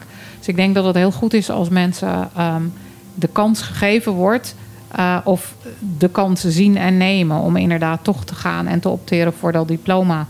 Ehm, maar ik vind dat wel altijd heel knap. Want ik weet dat er een flink aantal mensen zijn... Hè, van de studenten die jij ook noemt... die echt al wat ouder zijn. Die soms ook een gezin hebben. Dus dan is het en je gezin en je baan en naar school.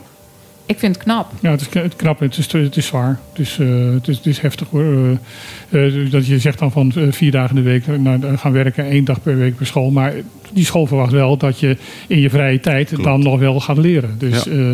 eh, eh, het, het, het, het, is, het, is, eh, het, is, het is niet makkelijk. Het is niet makkelijk. Ik ben een paar keer bij de um, diploma-uitreiking van de Forma geweest. Nou, dat is zo fantastisch om te Ja. zien daar die mensen op het podium. Als ze een diploma hebben, echt. Nee, maar als docent kan ik zeggen, eh, de diploma-uitreiking per jaar is de mooiste dag van je, van je, van je docentenbestaan. Dat, is geloof het mooiste, eh, dat, daar doe je het voor. En al die blije gezichten, al die mensen die trots zijn op wat ze bereikt hebben, dat, daar doe je het voor. Dat, dat, daarom ben je docent. Dus nou, dat, dat, dat, dat is echt fantastisch. Dat, daar, er zijn nog diverse uitreikingsdagen die, waar ik nog, nog steeds met, met plezier naar, naar, terugdenk. Ehm, een ander onderwerp, tenminste, het heeft ermee te maken. Ehm, na de COVID-crisis werd, werd het duidelijk van... jongens, we zijn veel en veel en veel te afhankelijk van die, dat toerisme. Er hoeft maar iets te gebeuren. Nou ja, was COVID niet iets, maar iets heel groots. Maar het gebeurde. En toen werd het duidelijk van... eh, we zijn veel te mono- monolistisch, heet dat, eh, zoiets, ja, eh, bezig. We moeten onze economie moeten gaan uitbreiden. We moeten een andere kant uit. We moeten meerdere poten hebben om op te staan. Eén poot is niet genoeg. Hebben jullie daar een rol in? Worden jullie daarin ingeschakeld als, als ROA? Nou, ik denk dat het, wat je net aangeeft, dat de sector toerisme inderdaad eentje is die heel erg last heeft gehad van COVID. Het heeft inderdaad bij meerdere instanties eigenlijk een beetje de impuls gegeven van wat gaan we nu anders doen? Wat Mhm. moeten we nog meer hier naartoe halen om je hoofd boven water te houden? Ehm, en ik denk dat zeker de sectoren, als ik een paar mag noemen, techniek, bouw, dat die zeker wel sectoren zijn geworden waar men verder gaat kijken van niet alleen wat er nu is, maar wat gaat er komen en hoe gaan we daarop voorbereiden. Mhm. Ehm, ICT is ook eentje waar je heel duidelijk ziet van het was misschien een beetje ver van je bedshow. Dat ligt in Nederland, het is niet zo, komt niet zo dichtbij hier naartoe. Maar men heeft het steeds meer nodig, want men wil op afstand werken. Men wil diensten blijven aanbieden eh, zonder afhankelijk te zijn van mensen van buitenaf. Je wil hier ook een basis hebben en ook dat soort personeel hebben. Maar wat je nu zegt zijn allemaal eh, diensten die eh, in dienst staan van... eh, die niet bijdragen aan het nationaal product. Dus, dus eh, de, het inkomen van Bonaire. Eh, toerisme is heel duidelijk, van dat, dat heeft heel veel inkomsten. Dat, dat levert het eiland heel veel op. Dat is, zijn, is geld wat van buiten komt. Wat hier nou op, op het eiland achtergelaten wordt in feite. Eh, zijn er andere industrieën op dit moment? Zijn daar plannen over? Zijn, hebben jullie daar ideeën over om andere industrieën, andere bedrijfstakken, dienstverleningen, waar inderdaad geld van buiten het eiland komt, zodat de, het eiland rijker wordt? Ehm, Waar, waar jullie eventueel mee kunnen helpen, of adviseren van jongens, ga die beroepen doen, ga die beroepen om dat te, te bereiken. Nou, als we puur kijken naar wat het bruto nationaal product is en wat dat naar binnen haalt, dat is niet een van onze hoofddoelen Mhm. waar we naar kijken. Waar we wel naar kijken is van wat zijn de beroepen, wat zijn de sectoren die booming zijn, die hier ook nodig zijn. Mhm. Dus inderdaad, de dienstverlening is iets wat niet per se mensen hier naartoe haalt, maar het is wel een. ehm, je, je hebt het wel nodig. Mhm. Dus in dat opzicht kijken wij dan als adviseurs naar, oké, wat zien wij in de verschillende sectoren waar eh, professionals voor nodig zijn, waar mensen voor nodig zijn om dat gat te vullen. Zorgverlening is er eentje. Breng niet eh, per definitie iets eh, voor de Oh, sorry. Ja, je moet heel, de- heel, heel dichtbij zitten. Ja, en heel erg onnatuurlijk. Je moet de microfoon naar die microfoon plaatsen in plaats van naar mij. Oké. Eh, zorgverlening is er eentje, dat hebben we nodig. We hebben daar professionals voor nodig. Dus we kijken dan niet van, oké, wat levert het op voor het eiland? Maar wat heeft het eiland nodig in Ja. zijn geheel? En welke professionals hebben we daarvoor nodig? Mhm. Als ik kijk naar industrieën, misschien maritiem techniek is er eentje... waar we zien van, hé, hey, daar zit iets waarvan we denken... oké, dat is een kans. Ja. Dat is een kans. Hoe kunnen we die kans grijpen met beide handen... en ervoor zorgen dat het voor mensen hier een, ja, een deur opent... en ze Mhm. hier dus iets kunnen vestigen? Ja, ja. Heel duidelijk. Ja. Ehm, een paar weken geleden hadden wij eh, iemand, eh hadden een tafelgast, eh, die Judith ook goed kent, die Mhm. hier met maritieme techniek bezig is. Ehm, is dat een mo- hij zegt van er is gewoon mogelijkheden om op die manier hier gewoon geld binnen te halen. Om, Ja. om, om hier verdiensten binnen te krijgen. En inderdaad buitenlands geld naar het eiland toe te krijgen. Eh, zijn jullie daar ook mee bezig? Hebben jullie daar, daar ook contacten mee? Ja, daar hebben we ook contact mee gehad, daar hebben we uitvoerig mee gezeten. Ehm, ja, het is een hele mooie kans, zeker weten. Hm. Yes. En ik denk inderdaad dat dat ook een kans is voor als je kijkt naar de opleidingen. Hè, want daar hebben we het inderdaad ook over Mhm. gehad. Als je het hebt over maritieme techniek, is dat, eh, dat heeft zoveel facetten die we allemaal al kleine stukjes hier op het eiland hebben. Binnen diverse opleidingen. Waarvan je zou kunnen zeggen, nou als we daar nou nog een keer met z'n allen naar kijken. Ja. En we gooien daar een ander sausje overheen en wat, we voegen wat nieuwe dingen toe. Dan heb je een fantastische specialisatie, zou je kunnen hebben, in zo'n afdeling techniek. Want maritieme techniek bestaat uit heel veel dingen.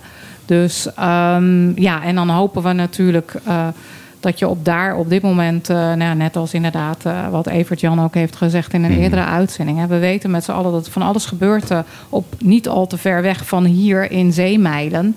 Ja, misschien kunnen we daar toch best wel eh, wat mee. En wat ik daar zelf heel leuk aan vind, is dat we toch een beetje teruggaan naar onze roots. Ja. En want onze roots zijn, in, is inderdaad gewoon eh, die eh, maritieme, eh, maritieme industrie. Eh, boten bouwen, boten onderhouden, restaureren, vissen. Nou ja, we hebben eh, een paar weken geleden, eh, wat is nu twee weken geleden, ook een opname eh, gehad eh, met eh, Maurice. eh, aan- ehm, eh? Adriaan, Adriaan. Maurice. Ja. Ik, ik een naam, dat is echt Nee, dat, is, eh, dat Echt- weten we nu. Dat geeft niet. Ja. Maurice, hij bedoelt het echt goed. Ja, ja, ja. Ik heb, ge- ik heb absoluut echt geen hekel aan je. Ehm Maurice zei van, eh, de, de vissers hier zullen naar grotere boten toe moeten. Mhm. Want ze moeten verder van de, van de kust af, ze moeten verder weg, want daar zitten de vissen nog. Mhm. En eh, ze- er zijn nu allemaal kleine bootjes die gemaakt zijn om heel dicht bij de kust te blijven. En er moet een grotere boten. En dan, kom je ook deze, dan heb je weer de kru- de kruisbestuiving naar die maritieme technieken. Want die boten moeten gebouwd worden. Die Ja. moeten onderhouden worden. Nee, klopt. En eh, nou ja, ik, ik, ik doe een beetje mee in dit, eh, in dit hele verhaal waar we het dan nu over hebben. En eh, we hebben dus inderdaad ook bij ROA aan tafel gezeten. En we hebben er met z'n allen over gehad. En het, het klinkt echt iets wat ehm, zou kunnen, wat bij het eiland past. Dus Mhm. ik hoop ook echt dat we over een aantal jaren kunnen zeggen van... oké, we hebben ook een mbo maritieme techniek. Dat zou fantastisch zijn. En ik weet zeker namelijk dat dat ook zou kunnen betekenen... dat mensen vanuit de andere eilanden, vooral Curaçao... Curaçao ehm, had een opleiding, toen weer niet, toen weer wel. En op dit moment is het ook echt heel erg, ehm, nou ja, bijna aan het verdrinken. En dat is heel erg jammer. Maar ik weet zeker dat we daardoor ook inderdaad mensen uit kunnen halen vanuit een Curaçao die hier de opleiding zou kunnen doen. En als je dan kijkt, want daar geloof ik überhaupt in, als je meer opleiding hier hebt en je kunt daarmee mensen van de andere eilanden aantrekken.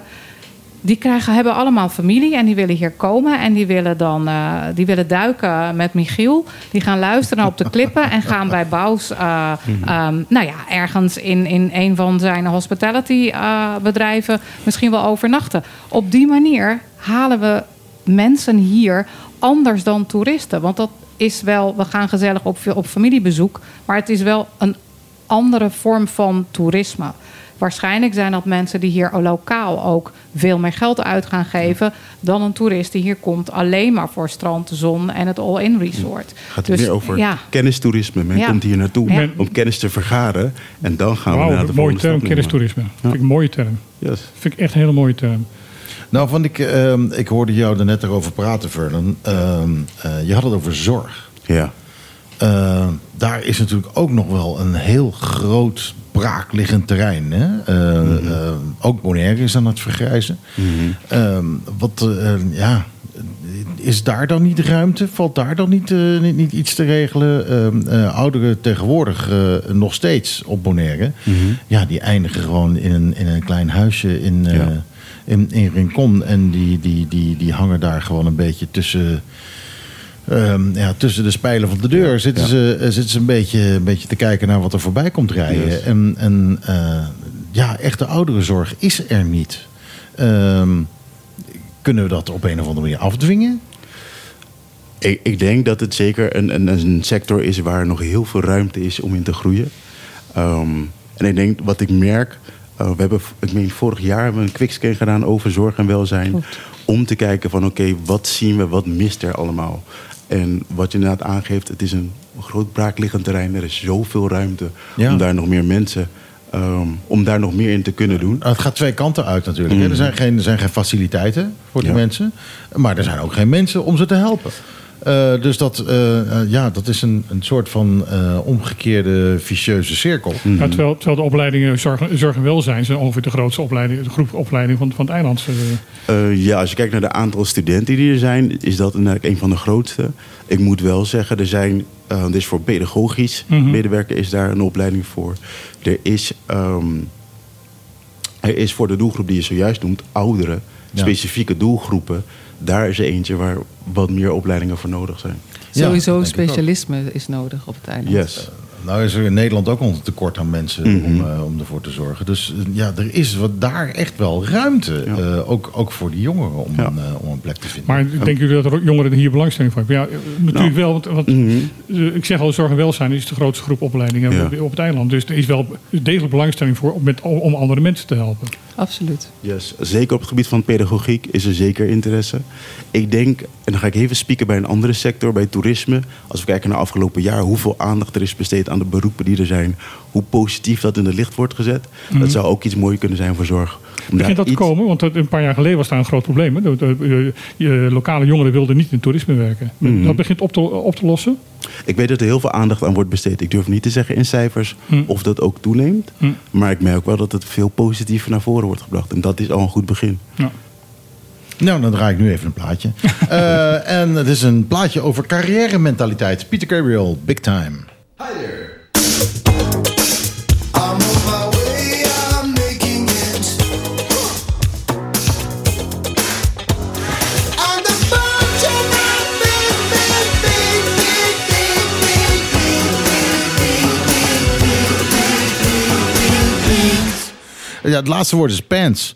Look at my circumstance and the bulge in my big, big, big, big pants. Maar hij zingt dat laatste woord niet. Peter Gabriel, Big Time.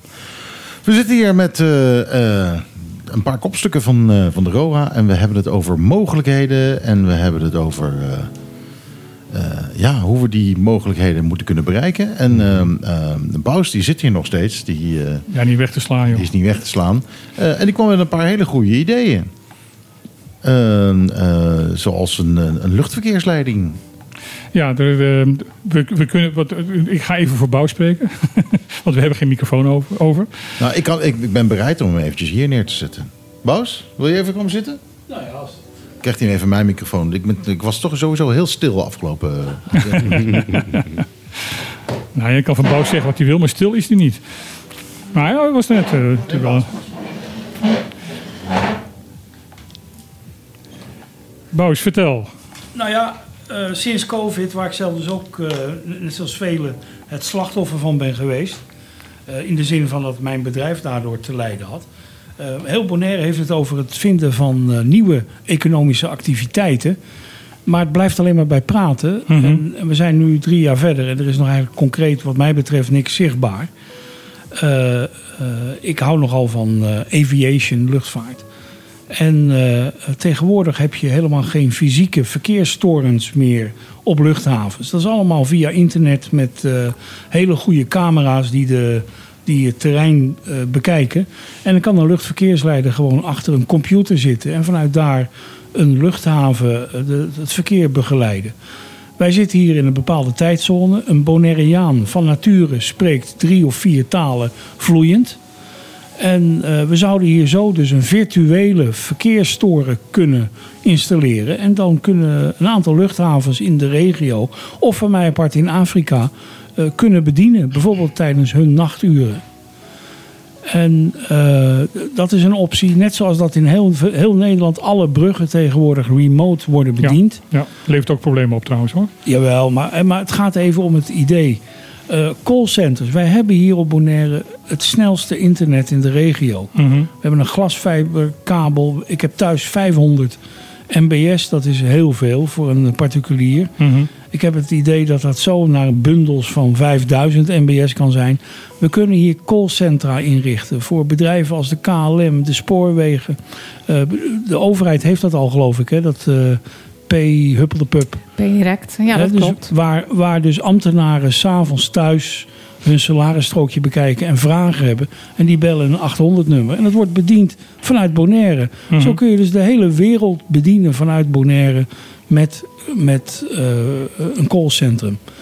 Ehm, Nou ja, TUI doet het al, alleen dan met- op Curaçao. Ja, nou ja, maar- na, maar- na vijf uur word je automatisch doorgeschakeld naar ja, Curaçao toe. nou, wij moeten de markt op. Met, dat kunnen wij ook vanuit Bonaire. En, en onze kinderen spreken al die talen vanzelf.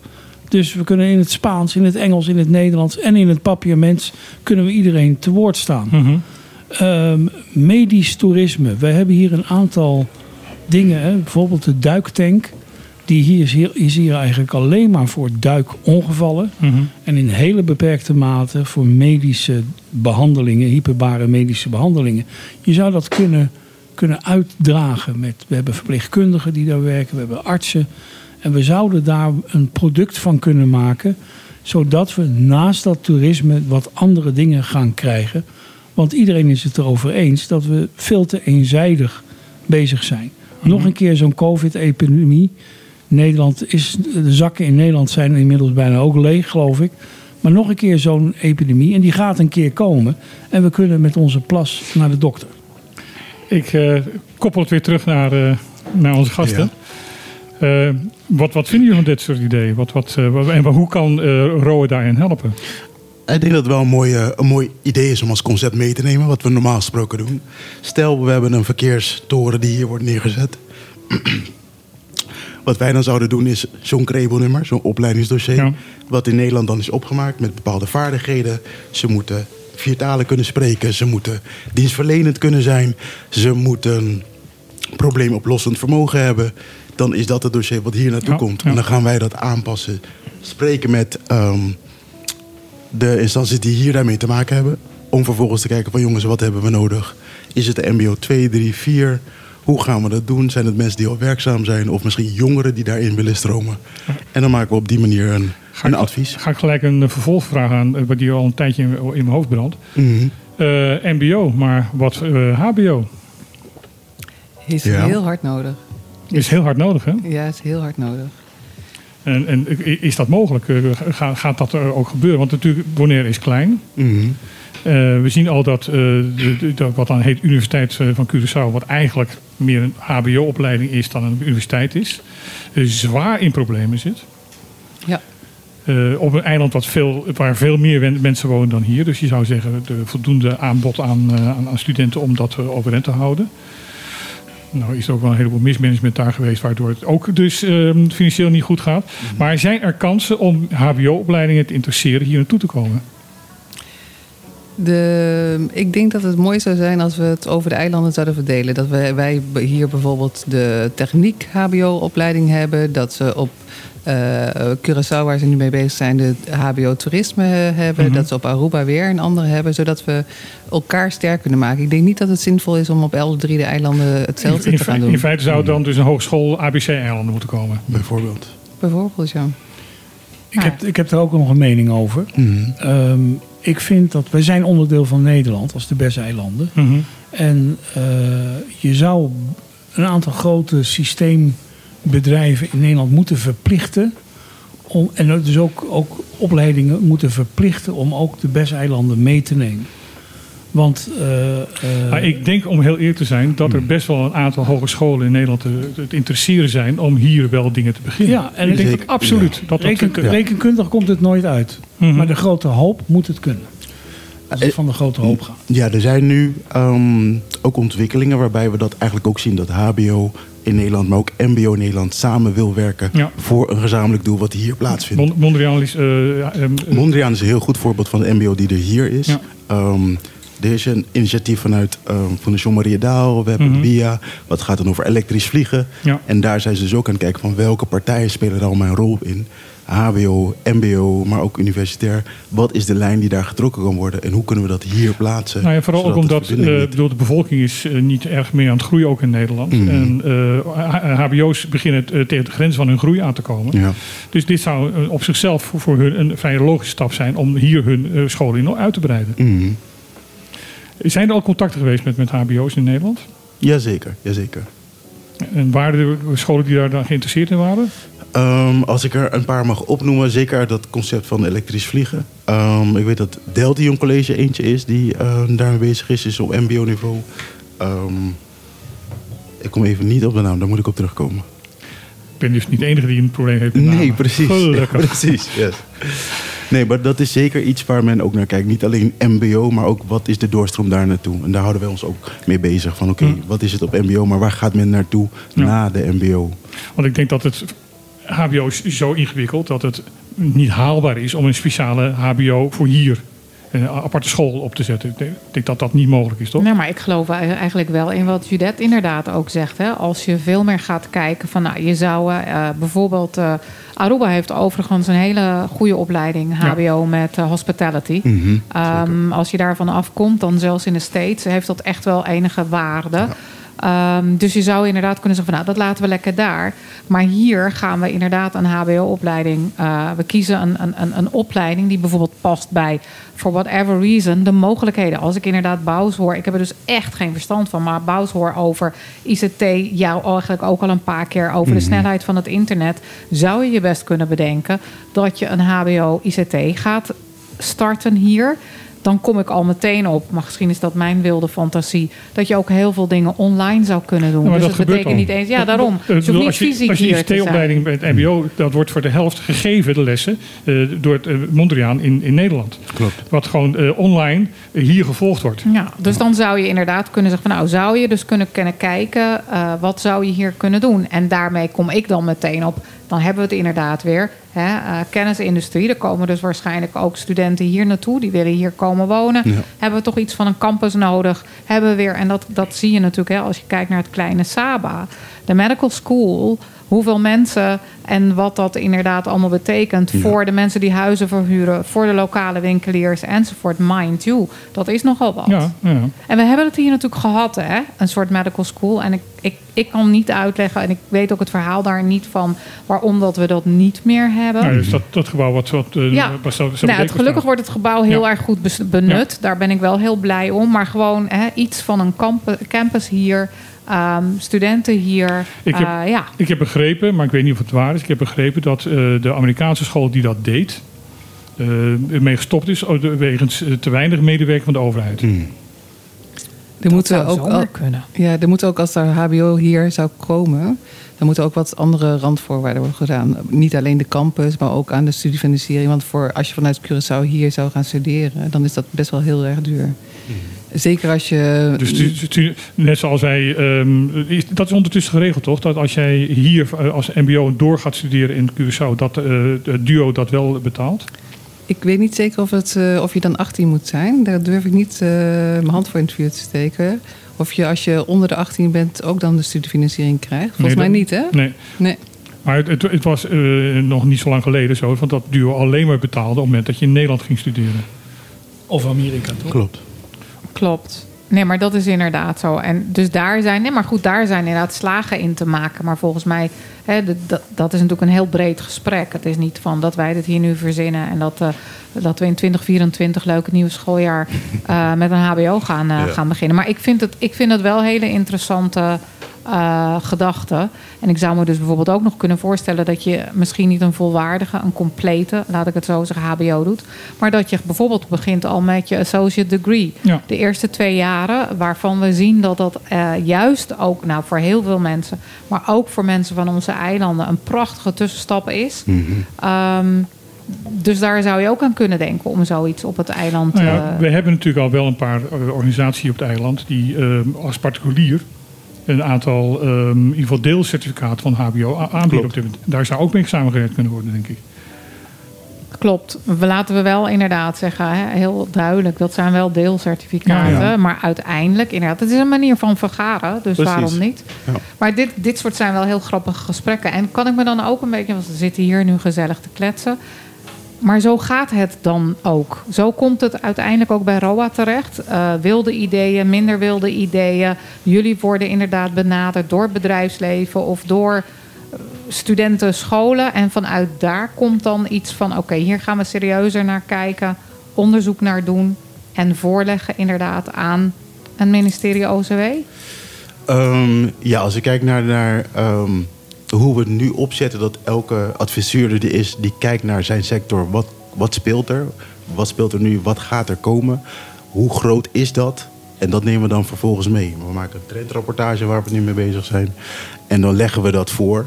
En in sommige gevallen heeft school misschien ook een aanvraag liggen. Dus dat komt dan mooi samen. Ja. Autotechniek is er eentje van geweest. Die, die, die een goed voorbeeld was. Arbeidsmarkt vroeger Ja. om. ICT is ook een hele goede. Ja. Waar vanuit de arbeidsmarkt men zei, dit hebben we nodig. School zei, oké, dit willen we heel graag aanbieden. Hoe komen we dichter Ja. bij elkaar? Dus als we kijken naar wat we als ROA doen... is dat denk ik ook wel een mooie derde taak die we hebben. Niet alleen advies geven en trainingen geven... maar echt de arbeidsmarkt en die beroepsonderwijs samenbrengen tot iets concreets.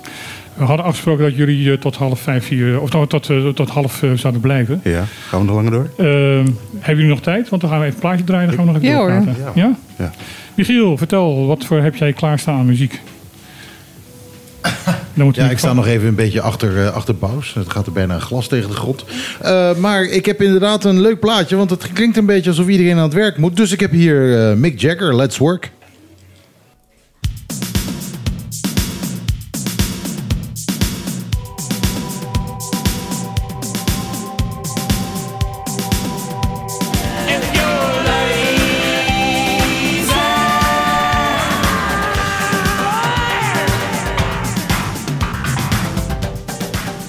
Die plaat is eigenlijk nog veel langer. We draaien hem even weg, want we hebben onze tijd gewoon nodig. Ja, we, we, hebben twee uur en dan... Nee, is niet waar. E- één uur en vijftig minuten. Want eh, de, de, de reclame zit er altijd eh, om één uur nog in.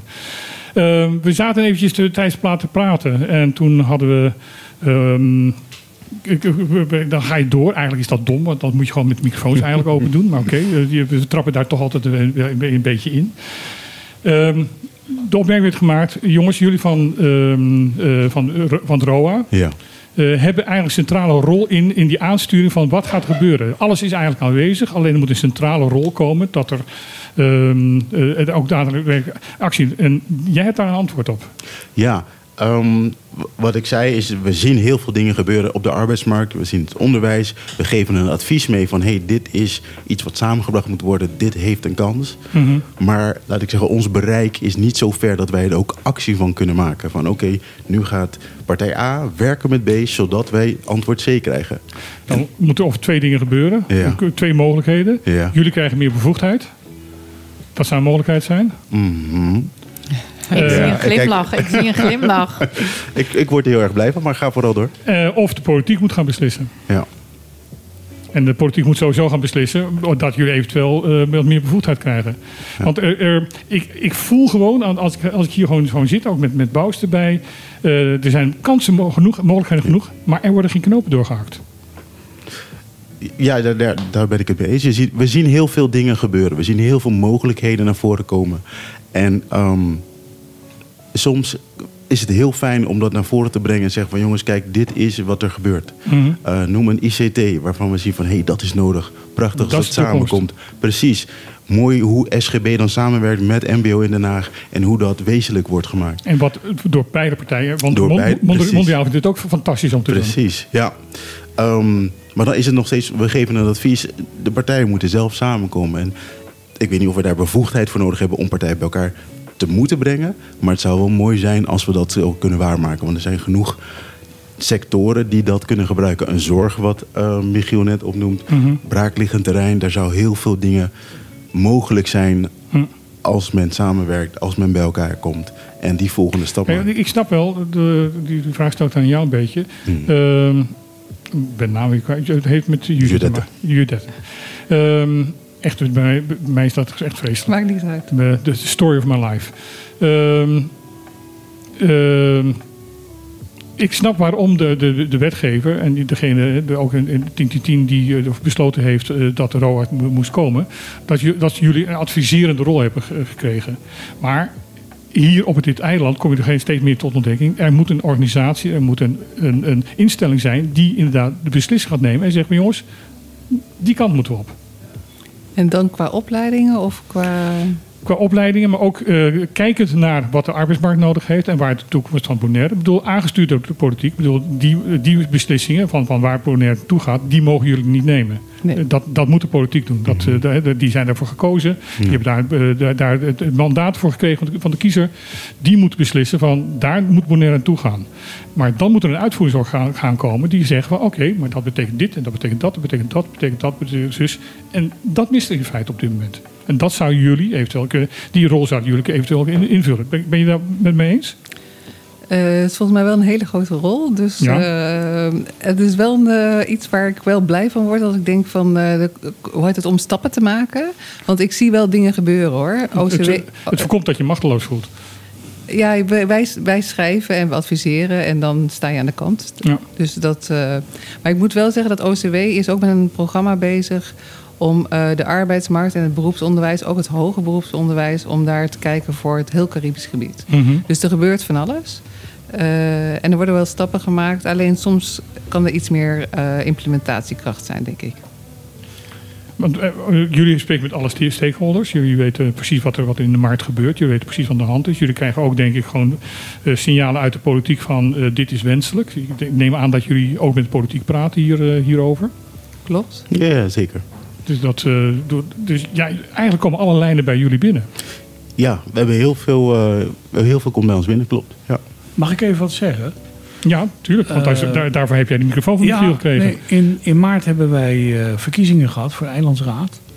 En eh, ja, daar is een bepaalde politieke coalitie uitgekomen... die na 100 dagen een verkiezings... nee, een regeerplan zou presenteren. Mhm.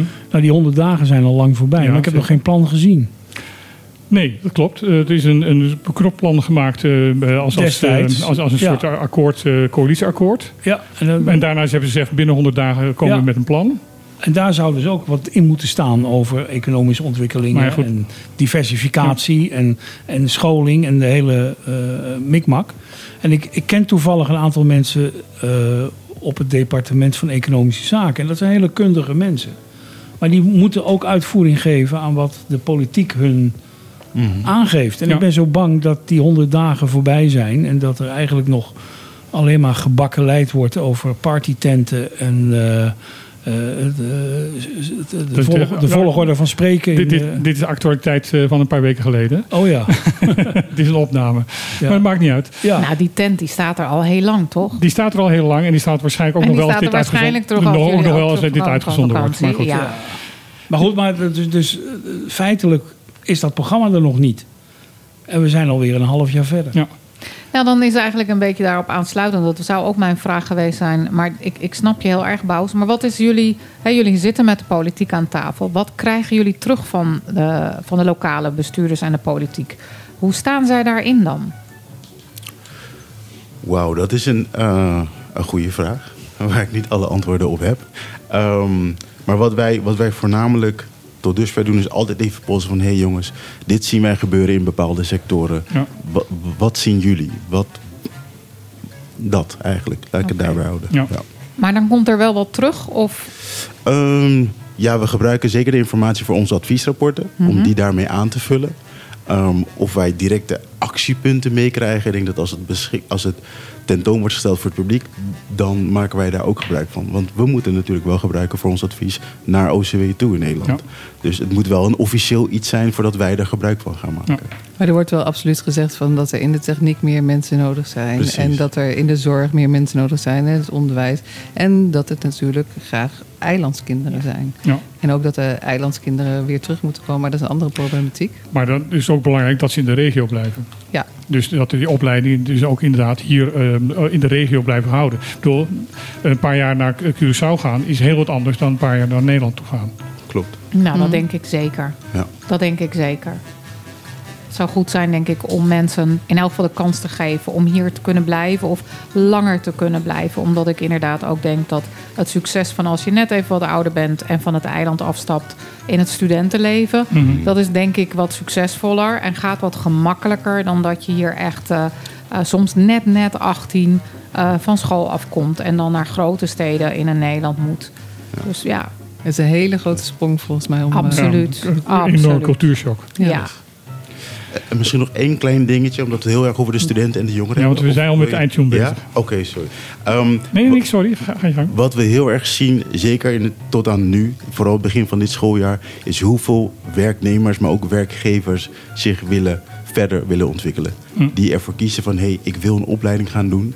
Het is niet de makkelijkste weg. We hebben het net al over de moeder gehad die misschien zijn gezin heeft en naar school gaat. Maar we hebben ook bijvoorbeeld de ondernemer die een bedrijf staande moet houden.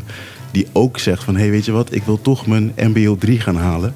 Ehm, maar voor hem is het net iets lastiger, want wie gaat hem dan begeleiden? Mhm. En dat is bijvoorbeeld een van de, van de cruxen waar we nu tegenaan lopen. Ehm, maar wat wel laat zien dat Bonaire heel graag vooruit wil gaan, maar soms iets meer flexibiliteit nodig heeft om dat ook waar te kunnen maken. Fantastische laatste woorden.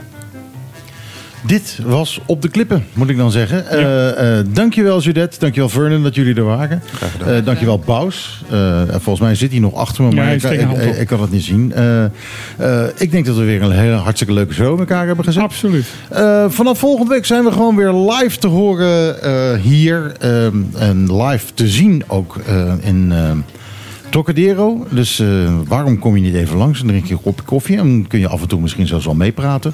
Eh, we hebben altijd het extra microfoon klaarstaan. Ehm zometeen na het nieuws hoor je Ron Gijzen met de Klaartop 20. Eh, ik ben heel erg benieuwd wat de nieuwe hits weer gaan zijn van het eiland. En zoals gezegd, volgende week zijn wij er weer om 12 uur met Op de Klippen. Zorg dat je erbij bent. Wij zeggen vanaf nu in ieder geval bijzonder welgemeend. Ajootje cadeautje.